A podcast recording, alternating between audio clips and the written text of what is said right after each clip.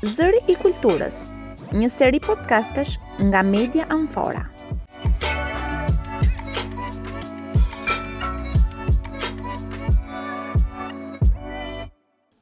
Përshëndetje dëgjues të serisë së podcasteve Zëri i Kulturës. Me mua Livia në këtë episod do të jemi për të folur për një temë shumë të veçantë, siç janë fenomenet natyrore, tërmetet dhe pandemitë, por jo vetëm, për të gjitha ndikimet që ato kanë sjellë në territorin e qytetit të Durrësit dhe në të gjithë Shqipërinë, por duke pasur parasysh që këto ndikime kanë qenë me një nivel global, pasi pandemitë dhe tërmetet kanë prekur gjerësisht rajonin. Do të kemi kënaqësinë që sot jemi me Dorian Hatibin, i cili është studiues i historisë së qytetit të Durrësit dhe një kontribues i vyer në median Amfora duke na ndihmuar dhe pasuruar me informacione historike në raportimin tonë. Shumë faleminderit që pranuat të jeni në këtë podcast për të shpjeguar fenomenin e pandemisë dhe tërmeteve si dy fenomene natyrore që kanë prekur herë pas here historinë botërore dhe jo vetëm, ne donim të kuptonim pak se kur shfaqet për herë të parë një rast i pandemisë në territorin e Durrësit apo më tej edhe në territorin shqiptar. Faleminderit shumë Amforës që më dha këtë mundësim për t'u shprehur lidhur me eventet të së shkuarës, por që praktikisht prekin edhe të tashmen sepse zhvillimet e fundit kanë treguar që historia në një farë mënyre e përsërit vetveten përmes ciklesh pak a shumë të qëndrueshme. për t'ju përgjigjur pyetjes tuaj, Mesdheu, pavarësisht se jo në si në kohët moderne, ka qenë edhe gjatë antikitetit një uh,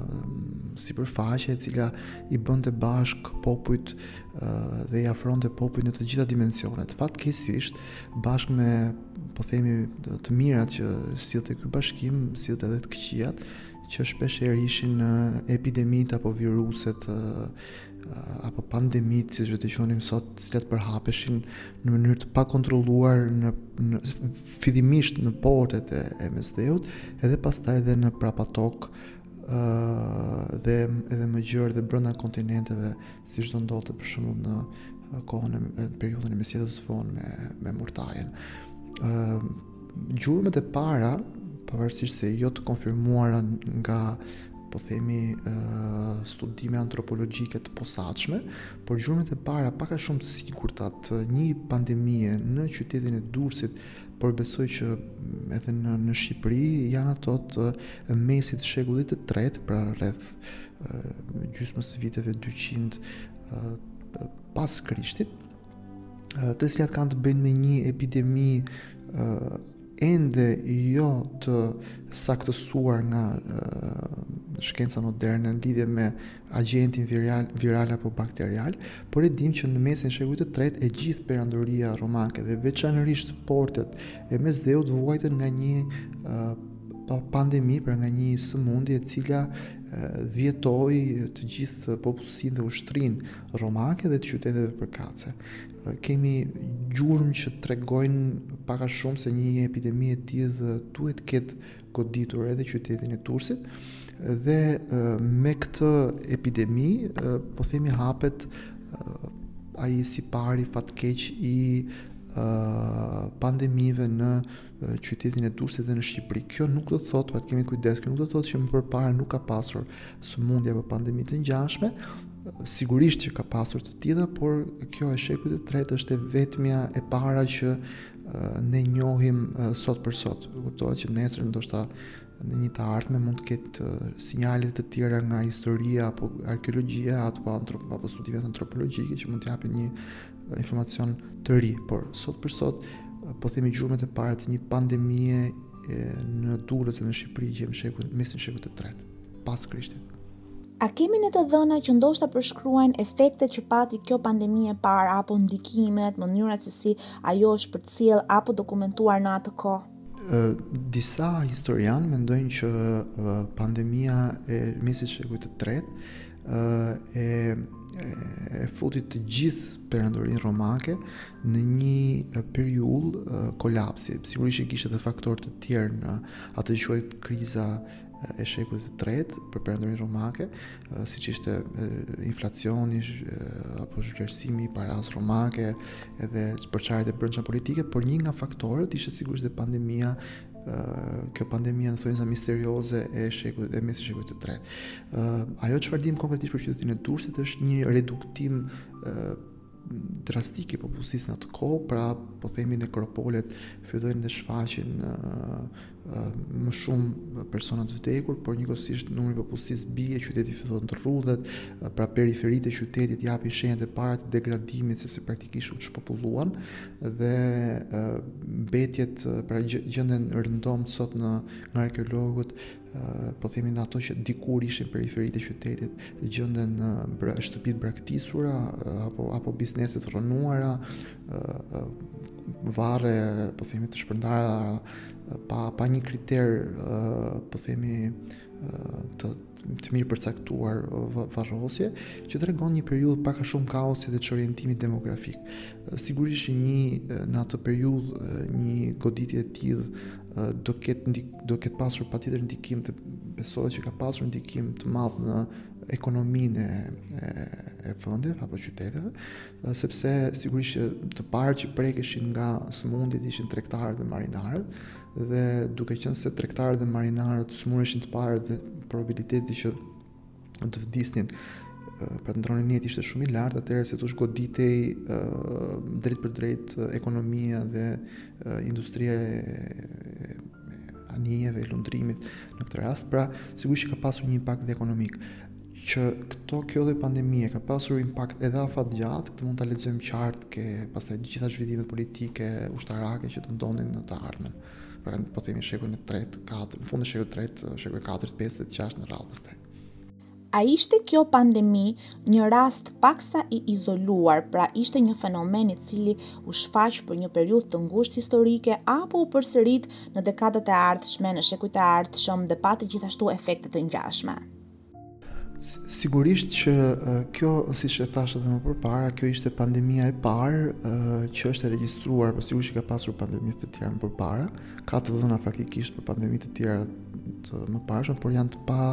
të paregjistruara në mënyrë të sigurt, pra janë thjesht disa të dhëna të përgjithshme. Më, më pas sigurisht që ka pasur, pra ka, ne jemi, nëse mund ta quajmë kështu, jemi vizituar nga faktorët patogjenë bakterialë ose viralë në mënyrë të rregullt përgjatë historisë, e po themi ngjarja e dytë e kësaj natyre, por me një dimension shumë herë më tragjik, ë ka qenë ka qenë ajo që në histori njihet si murtaja e Justinianit, pra në fillim të shekullit të 6, po themi në dekadën e 2-3 të shekullit të vitit të viteve 500 pas Krishtit, një smundje e cila do rezultonte fatale, e tmerrshme për nga të gjitha dimensionet në perandorinë bizantine me, me, me, me shumë mundësi me origjinë nga lindja e largët, godet gjithë perandorinë duke shkaktuar një dramë të madhe demografike, të shumë qytete nga të cilat humbin deri në 70% të popullsisë së tyre, pra Po, nëse po themi një qytet kishte 10.000 banorë, siç ishte e rëndom të asokohet, kishte atëherë po flasim për 7.000 të vdekur në kuptimin e përgjithshëm, pra jo absolut. Dhe kjo goditje e madhe demografike e dobësoi shumë ekonominë e Bizantit, e, e dobësoi shumë ushtrinë, sepse duhet duhet thënë, duhet theksuar që një nga pjesat më të goditura të shoqërisë ishte ushtria për shkak të agregimeve të mëdha nëpër kampet ushtarake dobësoi ushtarakisht perandorinë bizantine duke dobësuar ushtarakisht i hapi rrugë dyndjeve barbare edhe pra krijoi një cikël po themi dramash edhe tragjedish politike, sociale, ekonomike që pastaj Europës i është dashur rreth 3-4 shekuj për të dalë nga nga ajo krizë. Nuk kemi dhe në këtë rast nuk kemi të dhëna të drejtpërdrejta në lidhje me pandeminë pra me këtë pandemi pra mortajën e Justinianit që ka prekur qytetin e Durrësit, pra të drejtpërdrejta, por kemi të dhëna të tërthorta që një gjë e tillë ka ndodhur, ë disa mënyra varrimi të gjetura së fundmi apo rrënimi i disa pjesëve të qytetit mund të ketë ardhur për këtë shkak, gjithashtu është e logjikshme të mendohet që një qytet port si Durrësi të jetë prekur me të gjithë forcën e pandemisë nga nga nga pra nga pandemia vetë dhe pra të dhënat po themi tregojnë se kemi pasur një prekje të të përmasave të mëdha duke pas parasysh se kushtet higjienike të kohës nuk ishin shumë të favorshme për ndalimin e një pandemie. Pastaj kemi shenja të tjera për një pandemi të vitit rreth viteve pra rreth shekullit fillimit të shekullit të 8. Ëm kemi shenja të tjera të, të pandemive gjatë kohërave, por pandemia po themi që ka goditur më fort pas Murtajës së Justinianit dhe shenjat e së cilës i kemi të dokumentuara, pra për herë të parë flasim për një pandemi të dokumentuar kësaj radhe në Durrës, është Murtaja e, e shekullit të 14, pra viteve 1346-47, kur qyteti i Durrësit po themi preket nga Murtaja, e cila kishte kësaj radhe me siguri origjinë nga lindja e largët nga Azia Qendrore, ë ndoshta nga nga po themi luftrat mongole, ë kemi këtë tragjedi e cila prek kryesisht lagjen venedikase, siç është dokumentuar shumë mirë nga nga dokumentat e kohës, prek lagjen venedikase, prek lagjen venedikase sepse lagja venedikase ishte lagja e cila ë uh, ishte lagja e tregtarëve, po themi, dhe tregtia e asaj kohe ishte po themi kishte kontakte më të mëdha me botën e jashtme dhe ajo që ndodh është që këto shtëpi të braktisura sepse pronarët kishin vdekur tashmë dhe shpeshherë gjendeshin brenda shkojnë dhe zihen nga në mënyrë po themi edhe pak makabre nga grekët e qytetit të cilët të pakujdesshëm për çfarë po po preknin edhe çfarë po çfarë po ndodhte, sëmuren edhe ata vetë nga nga pandemia dhe si të thuash edhe ata pësojnë të njëjtën dramë si venedikasit dhe kemi një ridimensionim demografik të qytetit sepse praktikisht komunitetet e venedikasve dhe pra italianëve dhe komuniteti i grekëve në në qytet nuk dua ta ekzagjeroj, por praktikisht shfarrosen nga nga sëmundja e, e murtajës, pikërisht në këtë vallëzimin makabër të rrëmbimit të pronave apo të pra e, gjurmët e pandemive në qytet janë të vazhdueshme dhe e fundit pandemi që po themi është dokumentuar me me njëfarë rigoroziteti shkencor ka qenë ajo e vitit 1818 që ishte praktikisht epidemia e kolerës e filluar diku në Lindjen e Mesme e godet Durrësin me të gjithë fuqinë e vet dhe shkakton një po themi problem shumë të madh edhe asokohe demografik qyteti kuptohet ishte shumë më i vogël sesa i periudhës venedikase por preket sidoqoftë në një në masë të madhe në kuptim statistikor nga pandemia e vitit 1818. Ajo që duhet thënë për Durrësin, ndërkohë është që Durrësi ka vuajtur për shkak të kënetës, e cila gjatë mesjetës quhej Balta, ka vuajtur një, po themi, gjendje të të vazhdueshme problematike për shkak të infeksioneve, sepse në kënetë rriteshin një disa lloj mushkonjash, të cilat favorizonin kalimin e sëmundjes së malaries nga po themi insekti në në në njeri dhe ishte shumë e vështirë pra pas krijimit pra pas krijimit të kënetës ishte shumë e vështirë për banorët e qytetit të Durrësit të mos sëmureshin nga malaria, e cila ishte një sëmundje e cila prekte sistematikisht nga muaji maj deri në muajin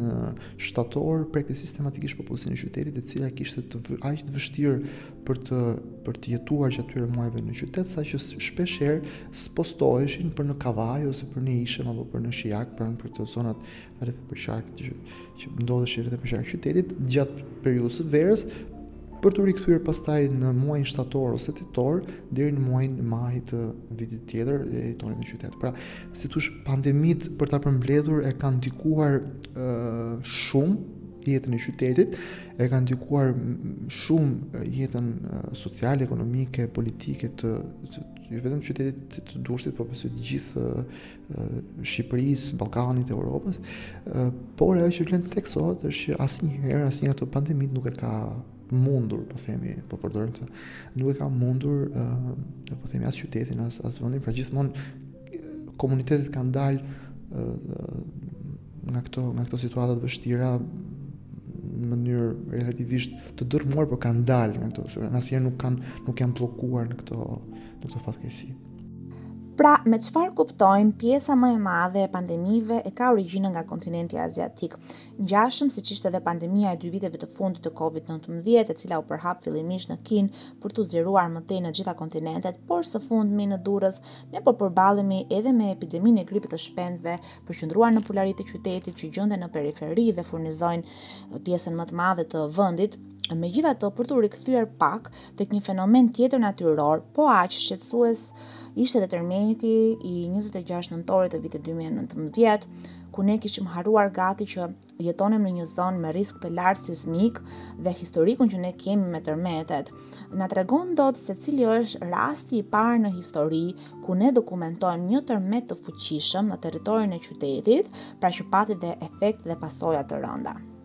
Siç po e thoja edhe në rastin e pandemive, historia gjithmonë ose pothuajse gjithmonë përsërit vetveten. Pra, nuk ka asnjë surprizë tek pothuajse asnjë nga ngjarjet që ndodhën së fundmi, sepse qyteti apo edhe Shqipëria apo dhe Europa ka kaluar ngjarje të tilla dhe më përpara. Ëm, për sa i përket tërmeteve, ka një dokumentimi i parë faktikisht për tërmetet që ka prekur qytetin, vjen nga Plutarku, i cili duke përshkruar një vizitë të të Ciceronit në në Durrës,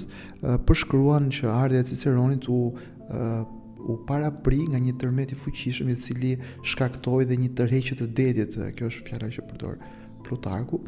shkakton një tërheqje të detit, pa dhënë detaje të tjera në lidhje me ndikimin që tërmeti pra lëkundjet sizmike kanë pasur në qytetin e Durrësit, vetëm jep këtë, po themi këtë shprehje që ka pasur një spostim të ujërave,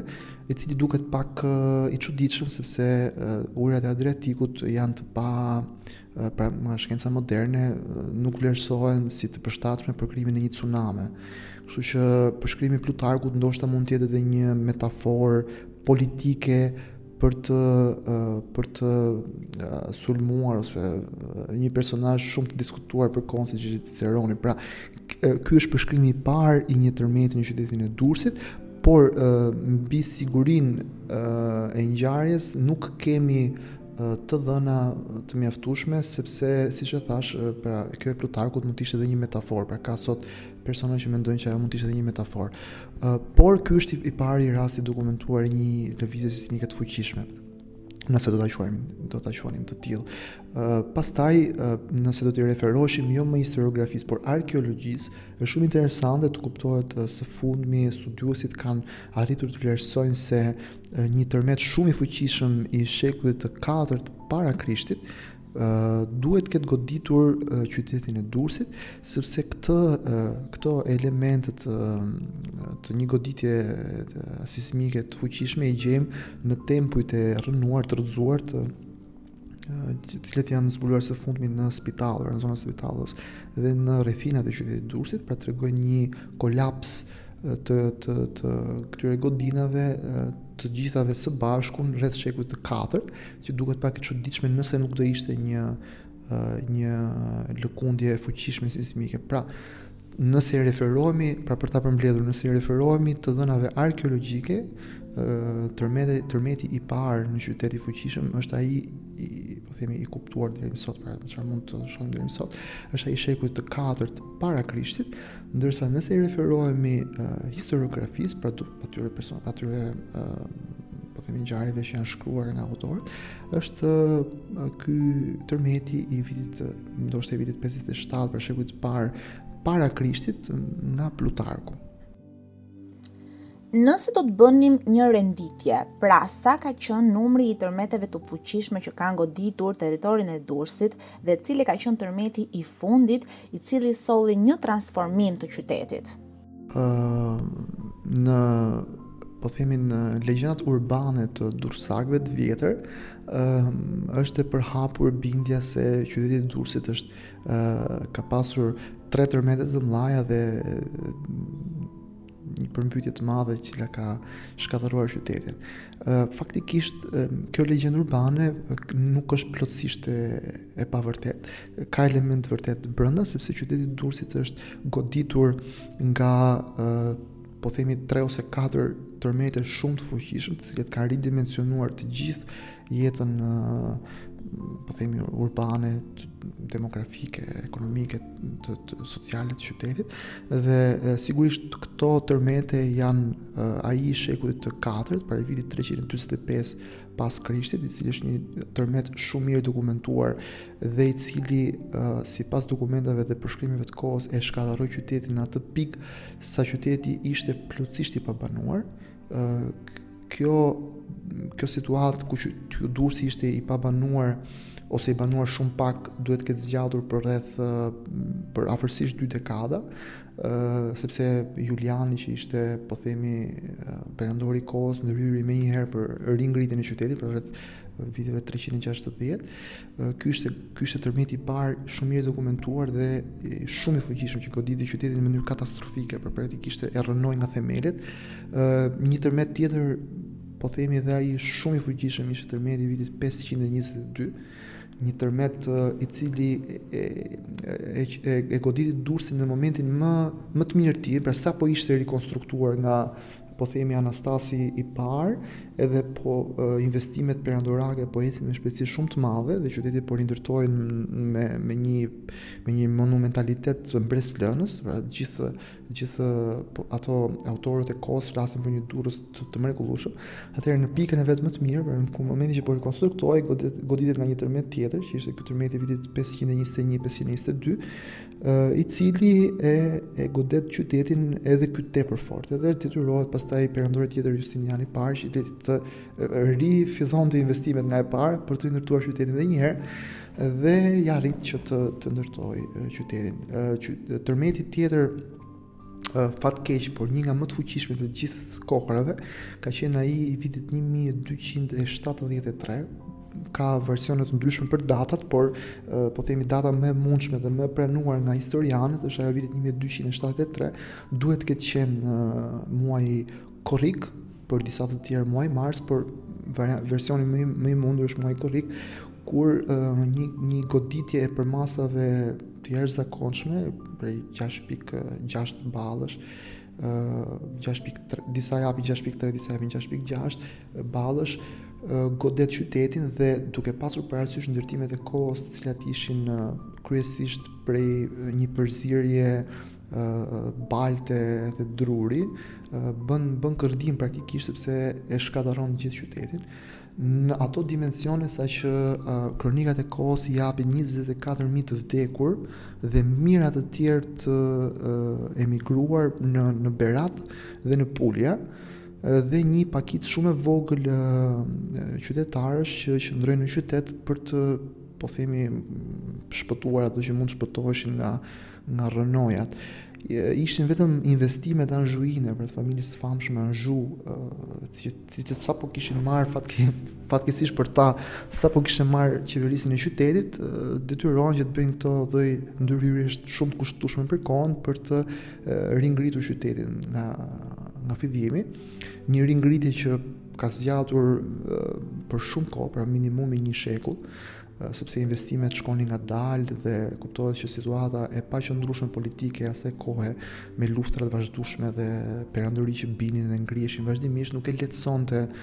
ngritjen e qytetit. Pra nuk ishte e njëjta situatë politike si në shekullin e 6 me Justinianin që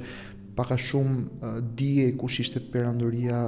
sunduese në atë kohë 1273 ishte akoma e paqartë kompozimi politik i, i rajonit,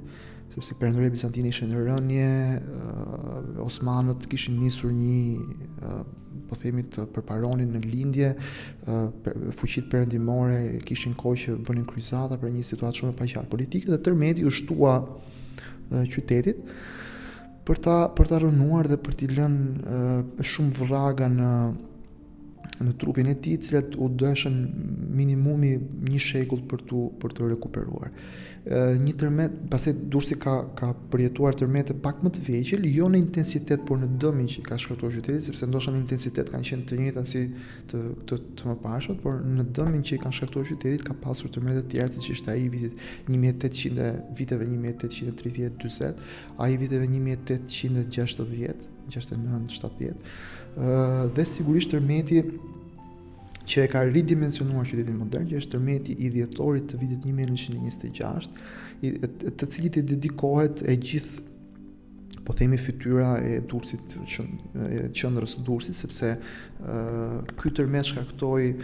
rrënimin e e lagjes Kala që quhej aso kohe dhe ringritjen përmes një projekti italian të atij që sot njihet si bulevardi uh, Epidamn i Durrësit. Uh, kështu që uh, tërmetet uh, pastaj sigurisht është tërmeti i i vitit 2019 i nëntorit, por këtë histori besoj e kemi prekur gjithë dhe nuk nuk nuk kam pse ndalem Pra, ne folëm pak për pandemitë, folëm pak për tërmetet, të cilat duket sikur janë një cikël i cili përsëritet dhe përsëritet herë pas here, jo vetëm në Shqipëri, por në të gjithë territorin e rajonit. Duam të kuptojmë pak duke pasur parasysh këto ngjarje natyrore, por shpesh herë fenomene të tjera njerëzore, siç janë edhe luftrat, a dëshmojnë që historia është një cikël i cili përsërit vetveten. Faleminderit, është pyetje shumë interesante sepse e, ka qenë një temë e, e vazhdueshme në filozofinë e, klasike, e, ciklet e historisë. Dhe interesante është gjithashtu që filozofi i parë që kemi hasur në qytetin e Durrësit po besoj edhe në territorin e Ilirisë së Jugut që sot është Shqipëria, ë që është Aretesi, po themi ka si objekt kyç kryesor të të gjithë veprës së tij pikërisht ciklet e historisë. Ë njihej në botën klasike ë që historia shpeshherë përsëriste vetveten. Dhe kjo përsëritje e vetvetes, pra po themi edhe ajo stinorja nga pranvera që pastaj vjen vera dhe edhe vjeshta dhe dimri dhe pastaj prap pranvera, pra ky ciklet që përsëritet si hëna që rikthehej gjithmonë në ciklet e veta. Kjo e, e, e jepte një ide filozofëve të antikitetit, veçanisht atyre grekë dhe romakë, se historia përsëritej. Dhe kjo gjen zbatim edhe në historinë, në makrohistorinë, atë historinë që ne e lexojmë dhe sot e gjithë ditën, që praktikisht nuk ka fenomene që të mos jenë mos kenë ndodhur më parë dhe të cilat pasojat e të cilave nuk i njohim. Pra, nëse jemi të kujdesshëm me vëzhgimin historik, kuptojmë që po ka pasur një pandemi, ka pasur gjithmonë pandemi, po ka pasur tërmet dhe këto tërmete kanë qenë gjithmonë të vazhdueshme ka pasur luftra e ngjarje të ngjashme, pra historia e ka përsëritur vetveten. Çfarë ajo çfarë ndodh, mendoj unë, është relacionimi që kemi, pra marrëdhënia që ne ë krijojmë me historinë. Pra ne kemi dy rrugë përpara ose ne e injorojmë historinë plotësisht siç ka ndodhur rëndom në këtë kohë të fundit, e injorojmë duke menduar që historia është një një ngjarje e largët që nuk do përsëritet dhe ose edhe nëse përsëritet nuk do na prekë ne për ndonjë arsye kush di se çfarë, ose është po themi qasja e dytë, pra marrëdhënia e dytë që bëhet me historinë, e cila e, e, e shikon historinë si një pikë referimi. Pra nëse qyteti i Durrësit për shembull ka Ka pasur gjithë këto tërmete përgjatë historisë. A mos ndoshta do ishte mirë që ndërtimet të bëheshin me kritere të tilla që të mos vdisnin 52 persona në nga, nga këto tragjedi? Pra nëse e, Shqipëria ose Ballkani ose Europa ka pasur gjithmonë pandemi, a mos do ishte e përshtatshme që ne të ndërtonim politika të tilla që të ruheshim apo të ishim gjithmonë më të përgatitur për pandemitë që mund të vinin në të ardhmen. Pra, nëse historia trajtohet si një pikë referimi, ajo na ndihmon të shpëtojmë më shumë jetë njerëzish sepse na ndihmon që të të të parashikojmë të parashikojmë në mënyrë të arsyeshme atë që mund të ndodhë në të ardhmen, pikërisht duke u bazuar tek ato që ju e quajtët edhe që me, me të drejtë ju e quajtët pra edhe ashtu si grekët e, e lashtë apo romakët e lashtë, ciklet e historisë, pra përsëritjet e, që ndodhin në histori. Faleminderit Dori që na shpjeguat gjithë këtë cikël që lidhet me historinë njerëzore, konkretisht me rajonin e Durrësit dhe me ngjarje kaq të rëndësishme natyrore si pandemitë dhe tërmetet. Faleminderit ju dhe për punën e mrekullueshme që bëni. Është shumë e rëndësishme që qytet qytetarët e Durrësit, qytetarët e Shqipërisë ta ta rikthejnë shikimin nga historia sepse ashtu siç shkruante i famshmi Seneka, duke e njohur mirë historinë, ne mund të mos i frikësohemi të ardhmes. Unë falenderoj edhe dëgjuesit tanë që na kanë ndjekur në këtë episod të 15 dhe bashkë mirë u dëgjofshim në episodin e ardhshëm. Zëri i Kulturës Një seri podcastesh nga Media Amfora, realizuar me mbështetjen e projektit Media for All, financuar nga Qeveria e Mbretërisë së Bashkuar. Na ndiqni në platformat amfora.al, si edhe në SoundCloud, MixCloud, Google Podcast dhe YouTube.